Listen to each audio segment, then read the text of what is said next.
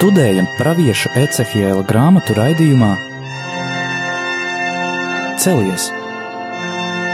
Dievs ar tevi runā!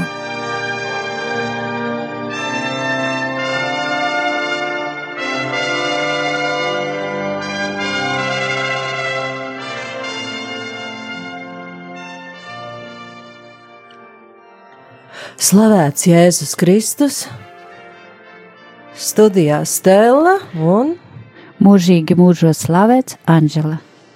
Kā pagājušā reizē mēs nedaudz iepazināmies ar Ecehila grāmatas sarakstīšanas vēsturi, tās uzbūvi, kādos apstākļos tā ir tapusi, un arī bija neliels ieskats, kādos apstākļos atrodas pats Ecehils.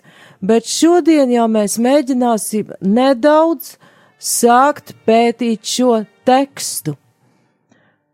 Tas ir viens no skaistākajiem, tiek uzskatīts arī par vienu no sarežģītākajiem un daudzslāņainākajiem vecās derības tekstiem.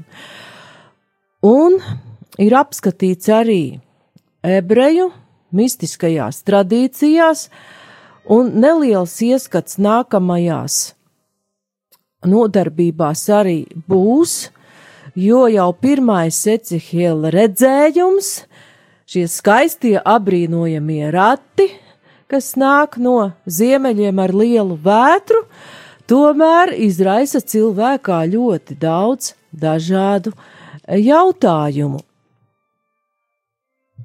Un kā Ebreji uzskatīja, ka šī grāmata prasa ļoti nobriedušu prātu un sirdi, un ka pirmo un pēdējās nodaļas nedrīkst lasīt, pirms cilvēks nav sasniedzis 30 gadu vecumu. Un kā tad tur bija tām sievietēm, vai maz viņas drīkstēja lasīt? Sievietes kopā ar vīriem varbūt. Nu, varbūt, un pilnīgi iespējams, ka arī nē, bet nu patreiz laikam ir tā, ka Latvijā cilvēku maz tie paši brauc prom, un to interesantu par Ecehēla grāmatu varbūt ir vēl mazāk, un tad, nu, Dievam ir jātiek galā ar šo sauso atlikumu, kas te sēž, un ir ārkārtīgi ieinteresēts studēt, pētīt, kopā ar visiem klausītājiem pētīt šo ļoti skaisto grāmatu, jo šie redzējumi un simboli man kādreiz tika uzdots vienā Bībeles stundā jautājums, vai tad Dievs nevarēja iedvesmot tos rakstniekus uzrakstīt precīzi visu tā tieši bez kādiem simboliem. No ko es atbildēju, tad mūsdienās mēs nekā tur nesaprastu, jo simbols apzīmē lietas, parādības, notikumus, viens un tas simbols eh, cauri laikiem neatkarīgi kā šīs lietas vai procesi ir noformēti. Piemēram, vai mankārība simbolizē lielu lāda zelta naudu vai bankas karte, caur simboliem mēs to varam nolasīt visos laikos.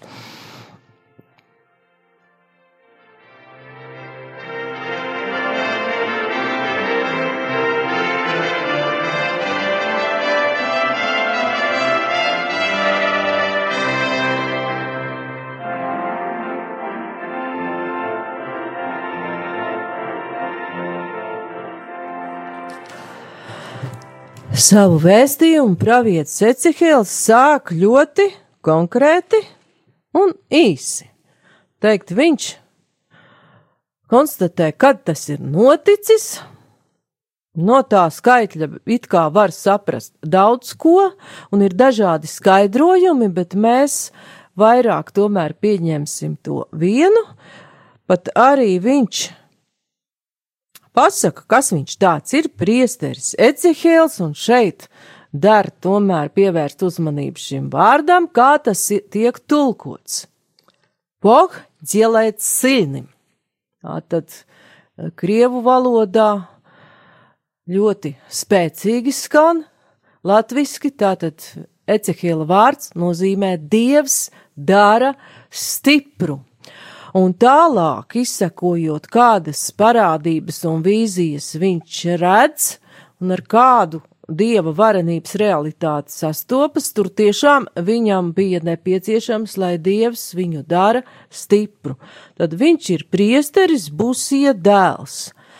Tā tad viņš nāk no priesteru dinastijas, jo, ja mēs pētīsim veco derību, mēs redzēsim, ka viena no 12 Izraēļa ciltīm, Le Levija cilts, viņi bija paredzēti tieši kalpošanai pie dieva šķirsta, vēlāk arī templī, un priesteriem arī bija diezgan daudz dažādas pakāpes, te nav pateikts, no kādas tieši viņš nāk, bet tā tad tas ir tempļa kalpotājs, garīga persona, bet viņš atrodas situācijā, ka viņš nevar būt templī, viņš ir aizvests gūstā, atrodas haldeju zemē, Tātad diez vai viņš varēja būt iesvētīts par priesteri, jo tajā laikā tam templis bija pilnīgi nepieciešams.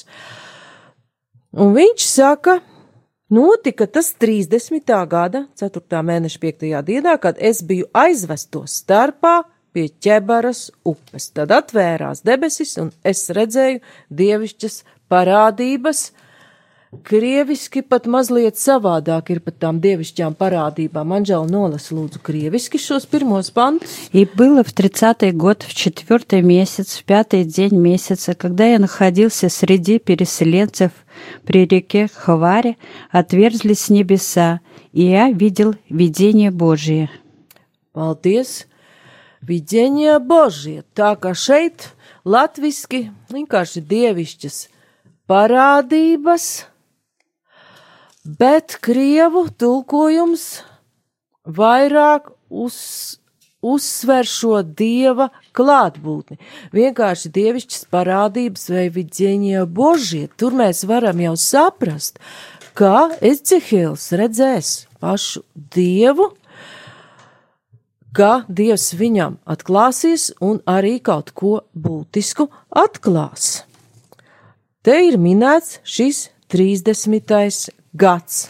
Un kā jau minēju, Ecihils ir priesteris, tas ir arī ķēniņa Jojahina, piektais trimdas gads, tā kā tur mēs varētu pievērsties daudziem un dažādiem skaitļiem un vēl diezgan dažādām interpretācijām, bet, lai mēģinātu saprast Ecihela grāmatas jēgu, tas nav tik būtiski. Baznīcas tēvi domā, ka šis 30. dzīves gads ir minēts tāpēc, ka 30. dzīves gadā Ecihils varēja tikt iesvētīts par priesteri, bet šajā gadījumā tempļa nav, viņš nevar saņemt šo iesvētīšanu, un Dievs viņam to kompensē. Viņš netiek iesvētīts, nav iesvētīts priesterkārtā, bet viņš saņem mūsdienu valodā no jaunās derības aspekta raugoties, varētu teikt, viņš saņem gara kristību, pildīt pravieša uzdevumu. Un tagad jau mēs varam atrast kaut kādas analoģijas ar jauno derību, kā tur īsti ir pret tradīcijas ar Jēzu. Jēzus arī tri, pēc 30 gadiem tika aicināts sludināt Dieva vārdu. Jā, pilnīgi Kalpot. pareizi. Un tur atkal ir tāda kā neliela līdzība šiet atverzļisņi besā. Un Dieva gars. Jā, Reka Anģela jau mums savēl kopā to visu ar jauno derību. Varbūt var pat atrast. Jā, izlasīšu. Jā, un, uh, ja, no Marka evaņģēlija, un tūdaļ no ūdens izkāpis, viņš redzēja debesis atveramies un gars, kā balodi, un garu, kā balodi uz viņu nolaižamies. Jā, paldies! Tā tad mēs atkal redzam, ka atver šīs debesis un tiek saņemta šī sūtība arī pravietim Ecihielam. Šeit mēs redzam, ka atvērās debesis, Es redzēju jau teikt, parādības no dieva paša, dieva skatīšanu. Tā tad ir nepārprotami šīs līdzības, un arī gadu skaitlis ir līdzīgs, ka ap 30 gadiem viņi abi, gan vecās derības pravietis, gan kungs Jēzus, kurā ir šī praviešu dāvana pilnība, saņem šo aicinājumu kalpošanai. Un Mateja evaņģēlī arī teikts, ka, un kad Jēzus bija kristīts, viņš tūdaļ izkāpa no ūdens un redze debesis tika atvērtas, un viņš redzēja dieva garu, kā balodi nolaižamies un uz viņu nākam. Paldies!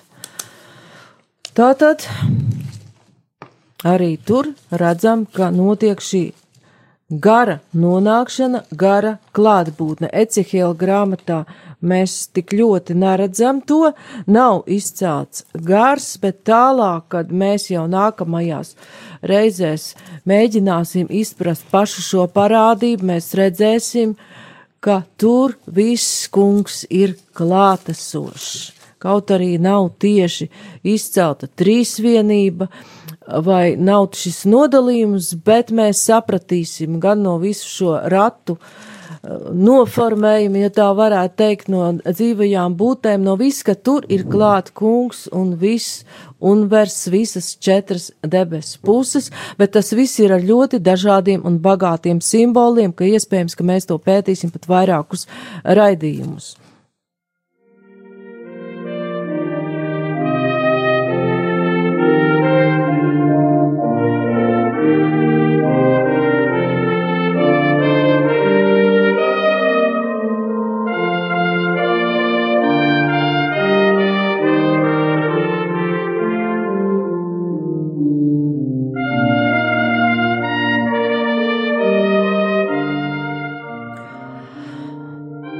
Mēs varam arī redzēt, kur Ecihils saņem šo dieva atklāsmi.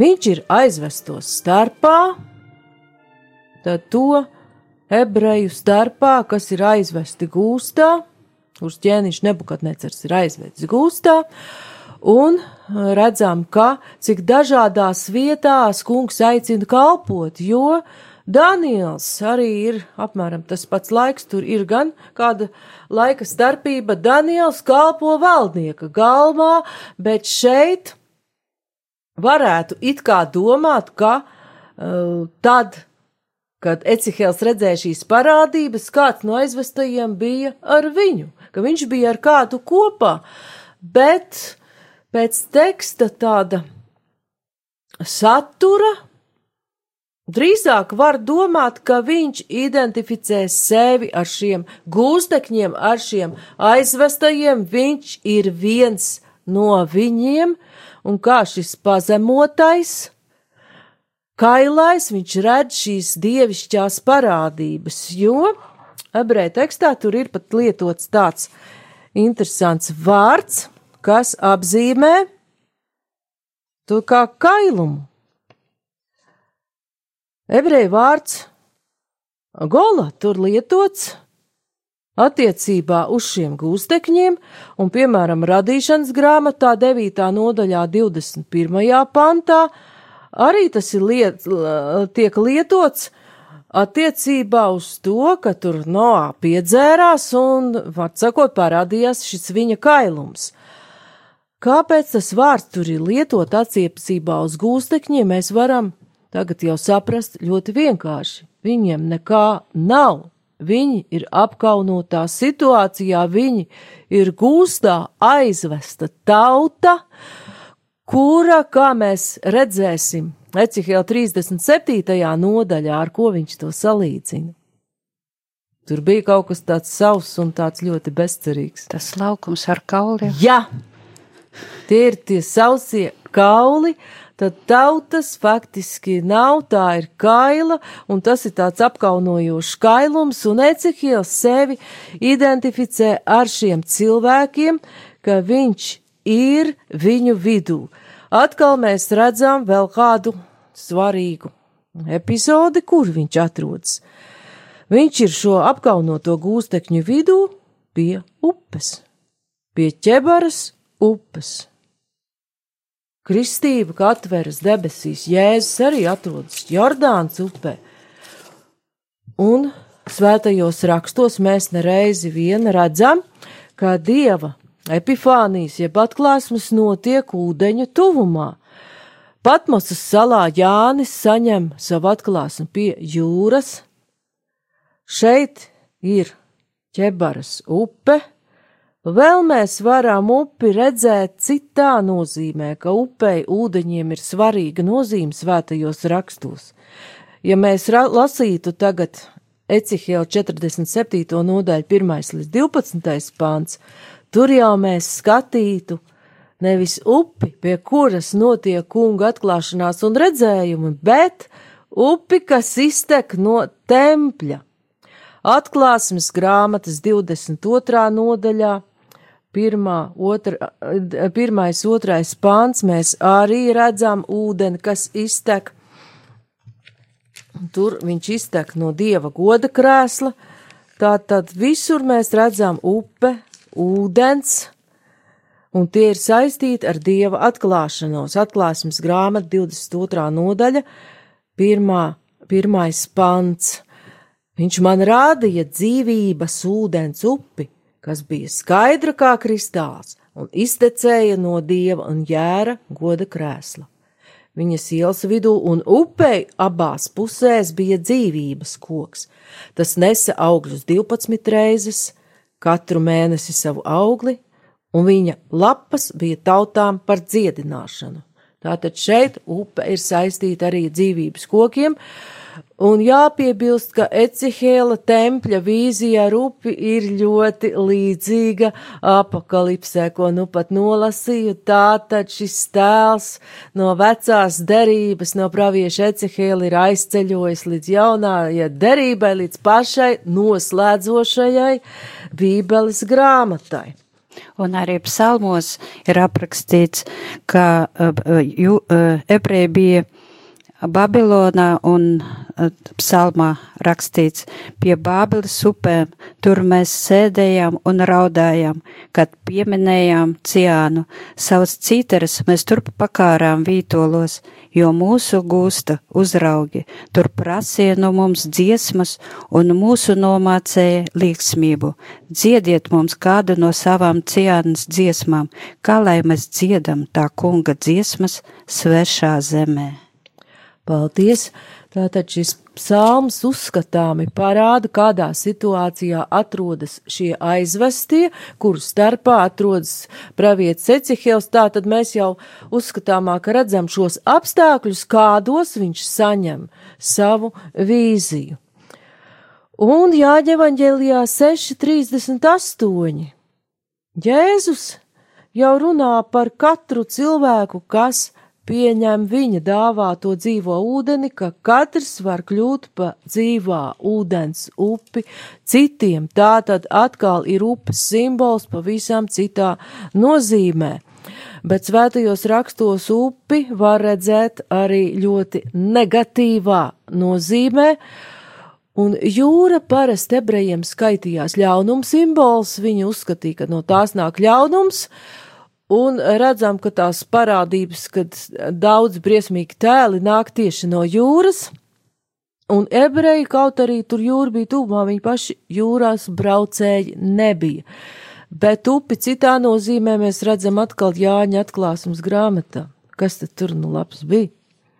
Tur bija, tur bija, tur bija sieva, viņa dzemdēja dēlu, un kas tad tur notika ar to? Dēlu, kad viņam bija daudz un varani pretinieki. Atklāsmes grāmata 12. nodaļa. No 13. panta, bet 14. izlaidīšu, Pūķis, redzēdams, ka tas nomests uz zemes virsū, sāka vajāt sievu, kas bija dzemdējusi puisēnu. Un 15. pāns. Un čūska izlaida no savas mutes ūdeni, kā upes sievai pakaļ, lai to aizpludinātu. Nu, tā tad šeit ir ūdens upe, bet no kurienes tad viņa iztek? Čūskas mutes. Jā, iztek, jā? tā tad, jā, no čūskas mutes. Un no kā tad mēs jau varam secināt, kas tad tur ir ar to pateikt? Tātad šeit upe ir ne no dieva tempļa, un šī upe nav dieva darbs. bet ļaunā gara darbs. Tātad ļaunais gars cīnās pret šo sievu, pret viņas dzemdēto dēlu, varam jau tālāk skatoties, saprast, ka cīnās pret baznīcu, un ar šo upi varam jau redzēt mūsdienu situāciju, kā kāda pasaulē attieksme ir pret baznīcu, kad notiek arī šie uzbrukumi, no kuriem daļa varbūt ir pamatoti, bet liela daļa un iespējams lielākā daļa tik tiešām ir apmelojumu upe, kas nāk no čūskas mutes. Tā tad redzam šo ļoti bagāto simboliku.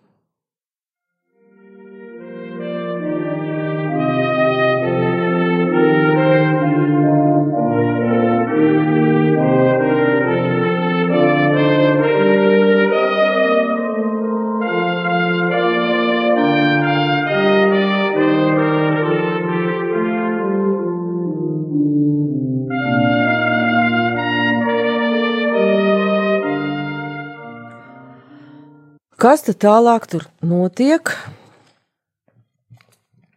Kur Ecihēls ir kādos apstākļos, mēs redzam, saprotam arī, kā ir šis, kāds ir šis viņa vārds, un viņš pats tālāk jau stāsta. Atklājās tā kunga vārds, priesterim Ecihēlam, busī dēlam kaldē zemē pie ķebars upes, to jau mēs sapratām, kas tas ir, tur nāca tā kunga roka pār viņu. Tad ir, es redzēju, piepešnāca stipra vētra no ziemeļiem, pacēlās liels mākonis ar uguni, tam bija spožums visapkārt, un pašā vidū spulgoja kaut kas, kā spilgti mirdzošs metāls. Tad šodien, jo laiks jau arī iet uz beigām, pievērsīsim vēl uzmanību tieši šiem diviem jēdzieniem atklājās tā kunga vārds, un nāca tā kunga roka pār viņu. Tā tad redzam, ka atklājas šis kunga vēstījums priesteri Mecehilam, un te mēs jau varam saprast pravieša sūtību. Pravietis nav nākotnes pareģis, kā dažkārt mēdz iedomāties. Pravietis neskaita. Tur gadu skaitļus, tad un tad notiks tas un tas, jo nevelti raksti bieži brīdina no viltus praviešiem, un jaunajā derībā gan ļoti skaisti, gan arī varbūt pat Varētu teikt, pat bīstami ir tas, ka visiem baznīcas bērniem ir uzticēta gan karaļa, gan priestera, gan pravieša funkcija, un apustuls Pāvils runā par daudzām gara dāvanām, starp kurām ir arī šī praviešu dāvana, un ka viņas ir dažādi sadalītas, tad praviešu uzdevums ir runāt patiesību, atklājot šo kunga vārdu, vai tas klausītājam patīk vai nepatīk atklājas kunga vārds un kunga roka ir uz viņa, mēs varam to saprast, kad, ja kunga roka ir pār viņu, uz viņa, ka tiešām viņam ir jābūt stipram, kā Dievs viņu dara stipru, jo tas, kas tiks likts viņa mutē, nekatreiz lielajiem un mazajiem, varanajiem un netik varanajiem glaudīs pa spalvu.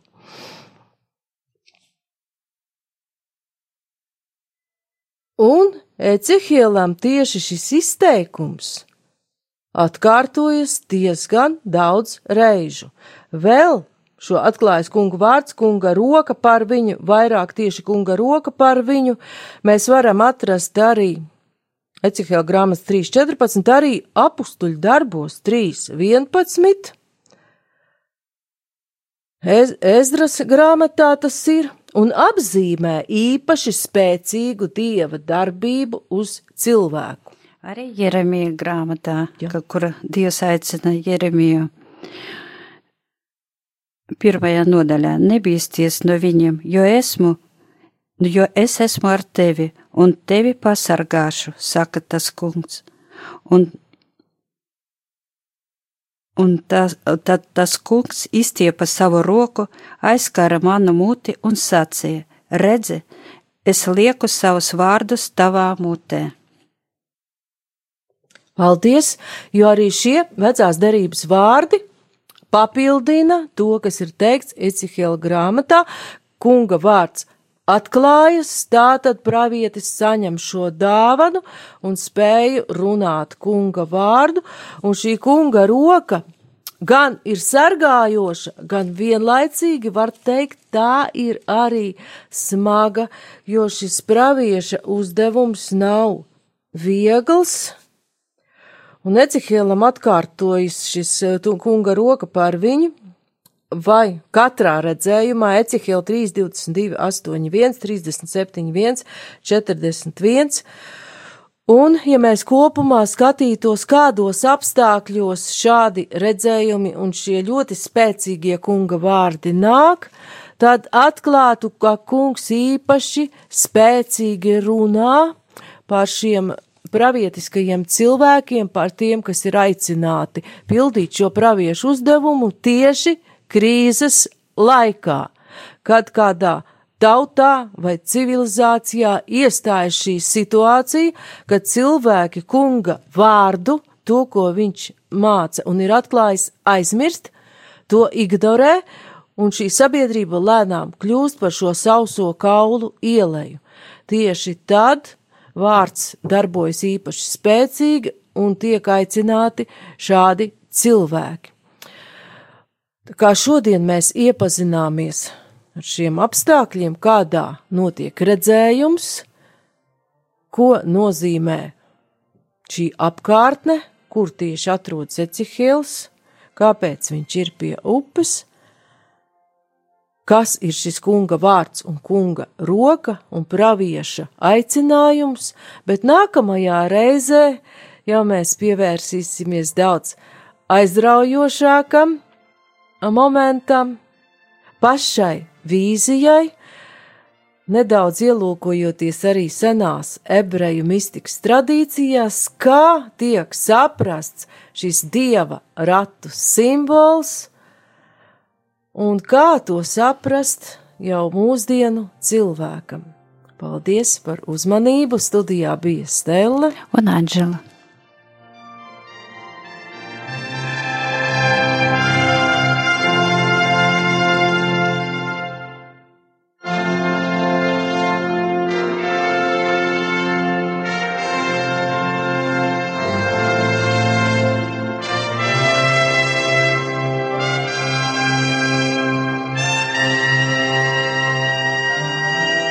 Izskanēja raidījums Celies! Dievs ar tevi runā!